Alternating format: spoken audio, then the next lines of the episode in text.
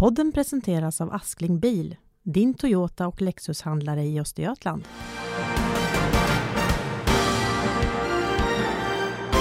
Då var Korrens nyhetspodd tillbaka igen och inte helt otippat så är det jag som heter Julia Järv och min reporterkollega Fredrik Kvist som ska summera och reflektera kring det som inte bara engagerat vår nyhetsredaktion den här veckan utan hela Linköping, ja, Sverige. Jag pratar förstås om de två första rättegångsdagarna gällande dubbelmordet i Linköping 2004.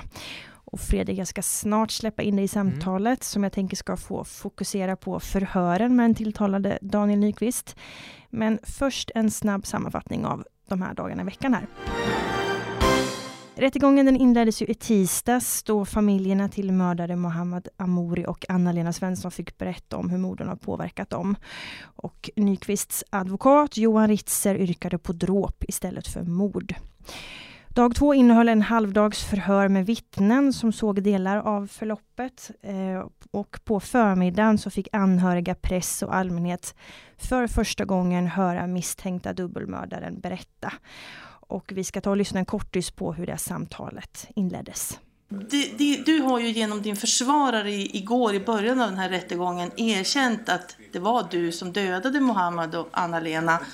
Är det riktigt? Var det du som gjorde det här? Ja. ja. Och då ska jag också fråga dig. Kände du Anna-Lena eller Mohammed eller deras familjer innan det här? Nej. Hade du någon, haft någon som helst kontakt med dem tidigare? Uh, nej. Tänkte du redan på morgonen att, att nu skulle det hända någonting, nu, nu skulle du angripa någon? Eller när dök den tanken upp?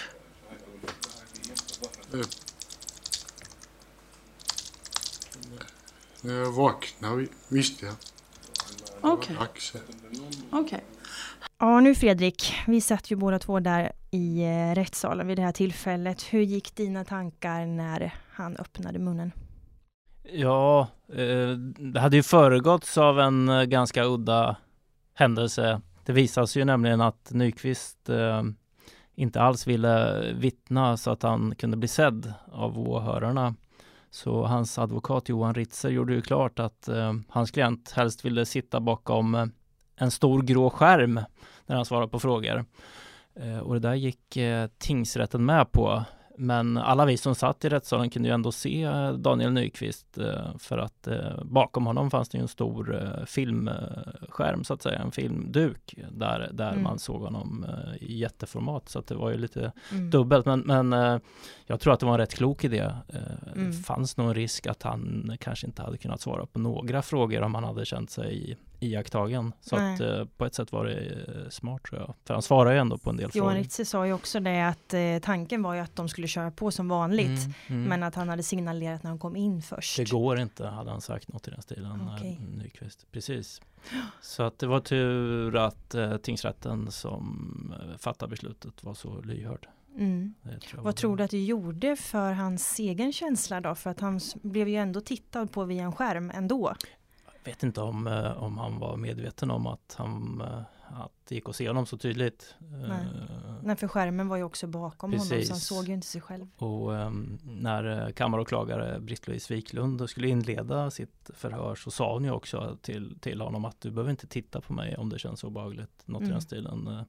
Så, så um, alla parter gjorde väl sitt bästa för att han skulle känna sig någorlunda avspänd i det här uh, utsatta läget som man mm. befann sig i.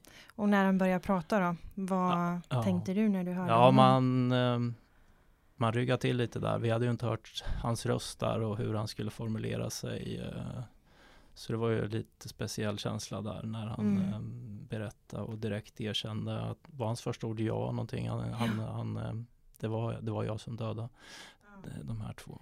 Och det var ju ett samtal med många pauser eh, innan han svarade på sina frågor. Ja. Innan han förstod kanske frågorna alla ja, gånger också.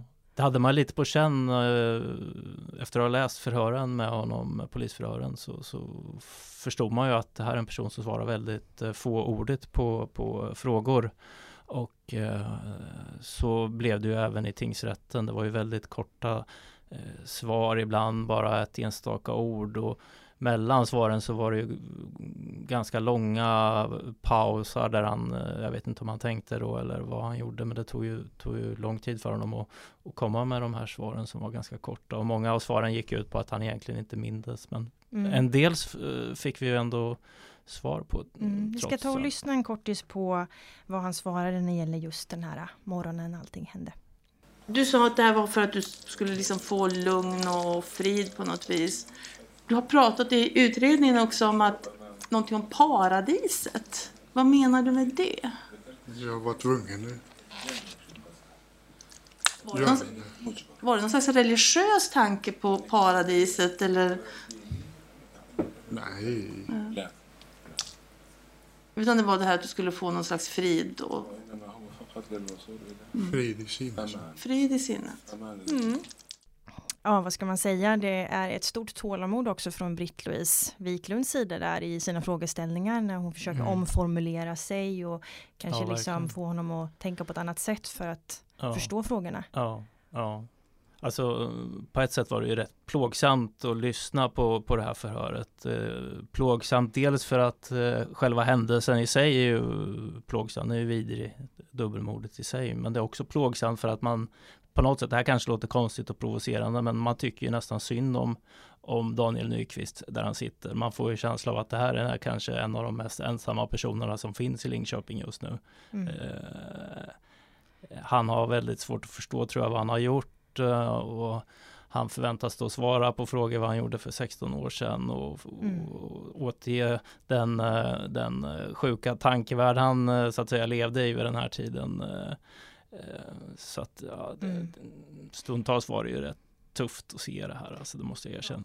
Om man innan man hade sett honom hade tvivlat på att eh, den rättspsykiatriska expertisen kommer till rätt slutsats. Så efter att ha sett honom i några minuter så är man ju övertygad om att det här är en person som inte mår bra. Det, det är ju helt uppenbart även för en lekman. Så att, och det skulle jag gärna vilja tillägga. Jag får, jag får också intrycket, även om man då svarar väldigt kortfattat eh, på frågorna, så de svaren ändå ger, tycker jag, ger en känsla av att han säger Mm. sanningen. Det här är Ja. inte en kille eh, som sitter och ljuger. Jag, jag får nästan känslan av att Nyqvist är oförmögen att ljuga. Han svarar på det han minns och, och, och, det han kommer ihåg. Men jag, jag får känslan av att den här killen kan inte hitta Ja. på. Han har, jag tror inte han har den föreställningsförmågan, den fantasi som krävs för att, att dikta ihop en historia. Nej. Utan det var nog så att han såg tre prickar, två prickar som var de tilltänkta offren och den tredje pricken, ja det var han själv. Mm. Det finns ju liksom ingen, inget rationellt, det finns inget förnuft i det. Men, men Nej. det var Men det förmodligen bild så. liksom det var förmodligen så det var. Ja, jag tyckte man också såg det lite i, i hans ansiktsuttryck Ja. också. Att han Ja. vid frågorna liksom tittade upp på Britt-Louise, försökte Ja. fundera och tänka och sen också tänka tillbaka, hur var det nu Ja. igen? Att man såg nästan Ja, liksom hur... Han ansträngde sig så gott han kunde för att, att svara på frågorna. Och, eh, ja, så. En sak som man återkom till också, även om frågorna formulerades om, var ju det här med automatik. Det gick på automatik. Ja, det var ett återkommande ord. Och Jag vet inte hur många gånger han sa det. Eh, precis, det var som att det var inte han själv som utförde handlingen utan det var något robotaktigt nästan som tog över där. Mm. Eh, och de svaren kom väl när han fick frågor kring ja, varför valde du att angripa just Mohammad Amori och varför Mm. valde du att angripa Anna-Lena Svensson? Ja, det gick på, på automatik. Mm. Eh, Jag tyckte själv att det var jobbigt att se när de visade. Det var ju en docka eller en fiktiv pojke. Men Mm. de hade klätt pojken med de autentiska just kläderna. Just det, och man såg tydligt vilka skador, var eh, huggen hade gått in så att säga. Precis. Ja, det var väldigt obehagliga eh, bilder. Vi har ju valt att inte publicera dem i våra kanaler. Men, men ja, det är ju otroligt starka bilder, även om det är en docka då som kläderna sitter på så är det obehagligt. Eh, han var ju också nära att erkänna för, eh, var det tio år sedan? Just det. Det var på eh, uh, målsägande beträdet Karin Volanders fråga. Karin Volander företräder ju mm, Anna-Lena Svenssons anhöriga. Och hon frågade just om, om han hade mm, tänkt att berätta eller berättat för någon om det här och då sa han eh, att han, ja det hade han. Och att det var i samband med att han hotades av vräkning tydligen. Eh, och att han då insåg att eh, det är bättre att sitta i fängelse än, att leva på gatan sa han. Mm. Eh, och det där, när han sa det, jag kände inte till de här uppgifterna. Och senare pratade jag med både åklagare och poliser eh, om det och det visade sig att eh, runt årsskiftet 2010-2011 så levde han mer eller mindre i någon form av misär. Han hade hamnat i ekonomiskt trångmål eh, så han hotades säkert då av räkning. Eh, men tack och lov då hade någon eh, anhörig, nära anhörig eh, insett det här och stöttat honom då ekonomiskt. Mm. Eller tack och lov, på ett sätt hade det varit väldigt bra om han hade Mm. Gått till polisen och erkänt då, för då hade, Mm. det, då hade det bara gått sex år efter. Mm. efter. Var det här en uppgift som polisen kände till innan rättegången? Hade han Ja, sagt det innan? Det, det hade han tydligen sagt i, vid något tillfälle, så att det var ingen nyhet för, för eh, Nej. polis och åklagare. Så att, eh, Det är lätt att tänka det här, tänk om, många Mm, gånger i det här mm, fallet under den här mm. tiden. Tänk om man bara just då Ja. när han var i den situationen hade sträckt ut en hand och sagt att var du än är här i Linköping kom till oss eller liknande. Precis, precis. Han fick ju frågan eh, varför erkände du inte tidigare? Varför fick du inte att berätta det här för polisen? Och, Mm. jag tror det korta svaret var något i stil med att eh, jag ville vara fri. Eh, mm. Ja. Eh, Det var ju också någonting som för efter mm, den andra dagen där så fick jag ju prata med Alia Amori, stora Mm. syster till eh, mördade Mohammad. Eh, och hon satt där tillsammans med hennes familj som satt alla uppradade utom en vägg på ena sidan och ville Mm. lyssna på vårt samtal och så. Mm. Eh, och hon sa ju det att det hade ju betytt så oerhört mycket om man hade, hade erkänt tidigare. Ja. Att just tiden har Ja. spelat så stor Ja, roll klart. för familjen. De har liksom aldrig fått svar på några frågor Nej. egentligen. Nej, plågsam ovisshet alltså. Ja, Det måste jag nästan säga. Alltså, sådana här rättegångar, alltså mordrättegångar kan ju vara extremt uppslitande för, för eh, anhöriga givetvis. mm. Men, och det är det ju säkert nu också för, för alla anhöriga. Men, men med vilken värdighet de har suttit där i rättssalen. eh, Ja. De anhöriga både till, till eh, pojken och de anhöriga till kvinnan. Det är ju inga liksom utspel eller eh, stora känslouttryck eller något, något uttryck för hat riktat mot Nyqvist utan lugnt, värdigt. eh, Det tycker jag är en eloge. Alltså. Det är ju mänskligt om någon skulle vilja ja visst, det är ju nästan otroligt eller, ja, att eller det inte hur? blev något sånt Ja, egentligen. Ja, Där sitter han första Ja. gången liksom ansikte mot ansikte. Klart de skulle vara ja, ja. som ja. Ja men det känns väldigt skönt. känslor. Nu återstår det ju en rättegångsdag men, men jag, jag föreställer mig att det kommer gå lika värdigt till på måndag som, Mm. som hittills. Men eh, starkt av de Ja. anhöriga. Extremt starkt. Och så tänker man också på hur uppslitande det måste vara att behöva processa allt det här nu en Mm. gång till. Mm. Liksom Mm. riva upp allting på Ja, nytt ja. i detalj på det här sättet. Precis. Men Alias stora systern där, hon var ju inte helt nöjd med svaren han hade gett. För de Nej. var ju inte så utförliga som hon hade hoppats på. Nej, nej, Det kan man ju förstå. ja.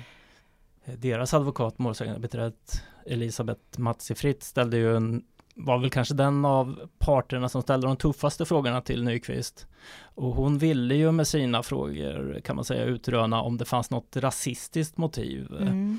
Och eh, Nyqvist själv förnekar ju det. Eh, och så fick han även då frågor eh, om huruvida han eh, haft en fascination för våldsfilmer. Och då upplevde jag att för första gången under förhöret så, så, så verkar Nyqvist närmast intresserad. När han fick frågor om sitt filmintresse för då svarade han att ja, han är inte särskilt intresserad av våldfilmer men däremot är han intresserad av science fiction och eh, eh, Simpson-filmer och jag Mm. antar att han syftar på den här tecknade Mm. Satirserien Familjen Simpson då. Eh, och, att, eh, och så fick han frågan av Matti Fritz då om, om en science fiction-film, är inte de våldsamma? Och då svarade han, ja men inte alla filmer våldsamma. Eh, Mm. Det tyder ju på någon viss intelligens där och intresse för Absolut. någonting. eh, Så ja, jag hajade till lite där, oj, här kom ett ämne som Nyqvist är Ja. eh, intresserad av. Jag tänkte också på det där när hon frågade om det här med Hon antydde om rasisti- rasistiska motiv. Det handlar väl om en vittnesuppgift egentligen från Just hans det. eh, ungdom. Precis, en Eh. barndomskamrat som i förhör har sagt något i stil med att Nyqvist eh, eh, som ung då hade någon ritual där han skulle gjort Hitlerhälsning mot en svensk flagga. och då fick Nyqvist frågor om det och han sa ju att jag, jag har inte haft någon svensk flagga och, och, om jag har Det är möjligt att jag har sagt att jag har gjort eller ha, mm. gjort Hitlerhälsning, något i den stilen. Mm. Eh, och han sa också, vilket var ett väldigt ovanligt ordval för honom, han sa i så fall var det ungdomstrams, tror jag han sa. Eh, man hajar till för ett sånt komplicerat ord, det brukar inte Nyqvist använda, men så att han slog ifrån sig den frågan. Och hon frågade då, vad då trams? Ja men mm. då sa han väl någonting om att ja, men jag gjorde som alla andra. Ja, ja men vad gjorde alla andra då? Försökte ja, ju hon ja, precis, då liksom. Precis, precis. Mm. Uh, men det är klart, familjen undrar om det fanns, så att säga, om, om det var en utlösande faktor att uh, att pojkens invandrarbakgrund bidrog till att han valdes ut som offer. Mm. Uh, åklagaren har ju den uppfattningen att, eh, och har ställt frågor på det här temat, att, att eh, Nyqvist angrep Mohamed Amori när Mohamed, han angrep pojken bakifrån. Och att han inte såg hans ansikte och att det var först efteråt när han såg bilder som han insåg att pojken var svarthårig, mörkhårig. Eh, så att ja, det är möjligt att åklagare och målsägande beträdet har lite olika uppfattningar om, om motivet där riktningen hit ju till redaktionen och så. Men okay. det är ju inte på något sätt något som kanske någonsin kommer kunna nej. visas eller berättas mer om. Nej, nej. Han var ju själv ganska tydlig med att det var en slump och ja. att han bara skulle ta någon liksom. Ja, eller två då. Och, och, och att han ville välja ett offer som inte kunde slå tillbaks. Det var därför mm. han angrep ett barn. Han, han vågade inte helt enkelt angripa en vuxen för han insåg att det kunde bli tumult och att den kunde försvara sig. Mm. mitt intryck. Ja. Vi får se om, om tingsrätten i sin dom kommer föra något resonemang kring det här. Det kan ju bli intressant. Mm. Du har ju rapporterat om det här sedan det hände då, 16 år. Jag har väl varit med, inte fullt så länge, men kanske 10 eller något sånt där i alla fall, yrkesmässigt. Det är ju ändå tydligt hur hänsynslöst eh, de här eh, brotten är och nu efter så lång tid så börjar i alla fall den rättsliga processen då att rundas av till slut. Mm. Vad, vad känner du själv kring detta? Spontan eh, reflektion är ju att det här är ett extremt brott. Eh, ett litet barn och en kvinna helt oskyldiga blir mördade man förväntar sig nästan att eh, bakom ett sånt här stort allvarligt vidrigt brott så finns det en stor brottsplan och något, någon, någon har drivits av något väldigt avancerat motiv. Och så sitter vi här nu och pratar om en psykiskt störd eh, man som såg tre prickar. Mm. Eh, det är ju ett, alltså motivet står ju liksom inte i någon sorts proportion till brottets Nej. allvar. Nej. Alltså, men så är det, det är väl en slutsats man får dra efter att ha jobbat med kriminaljournalistik under en del år. Att, att eh, anledningen till brott kan vara rätt banala ibland. Ja. Extremt tragiska följder men ibland handlar det om en person som ser tre prickar och inte får den hjälp han uppenbarligen mm. eh, har behövt. Trodde du att eh, du skulle ha suttit här på rättegången för några år sedan? Alltså ett tag, jag, säg för fem år sedan, var, kändes det rätt kallt, ärligt talat. Mm. Det kom inte några nyheter direkt. Mm. Vi visste att polisen jobbar på med den här metoden att topsa eh, potentiella gärningsmän. Mm. Men, men innerst inne trodde jag nog att det var kört. Sen tändes ju hoppet då när vi fick höra om den här intressanta metoden man har använt i USA. Mm. Eh, där någonstans börjar man väl ändå se någon sorts ljus. Men att det skulle gå så långt som att man fick fatt i honom, att det skulle leda till att han nästan omgående erkände och att vi nu står här vid en rättegång som snart avslutad, det kommer en dom. Det känns ju ändå rätt skönt att få veta. Mm. Ovisshet är ju plågsamt. Det har ju engagerat en hel stad, ett land som sagt och i veckan så träffade jag en polis i ett annat sammanhang som faktiskt då sa att han var med när det här ingripandet eh, gjordes, när Daniel då hämtades den där morgonen som du säkert minns så väl själv också. Mm. Och eh, i ett Instagram-inlägg så har den här polisen skrivit så här, jag tänkte jag ska få avsluta det här avsnittet. Man ska aldrig skriva ett inlägg påverkad av känslor, men idag så är det svårt. Jag är så stolt över mina kollegor som slitit och kämpat i 16 år. Ert jobb har äntligen burit frukt. Händelsen i Linköping 2004 tog stadens oskuld.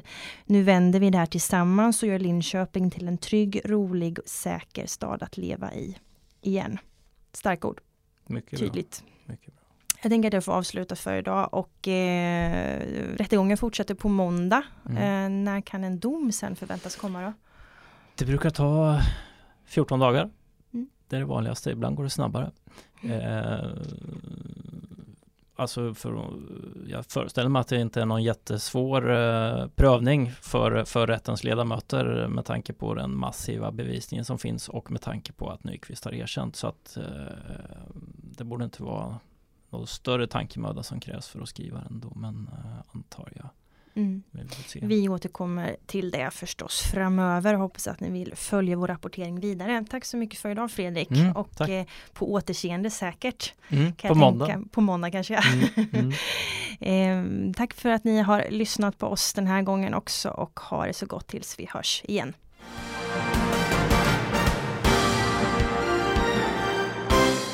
Podden presenteras av Askling Bil, din Toyota och Lexushandlare i Östergötland.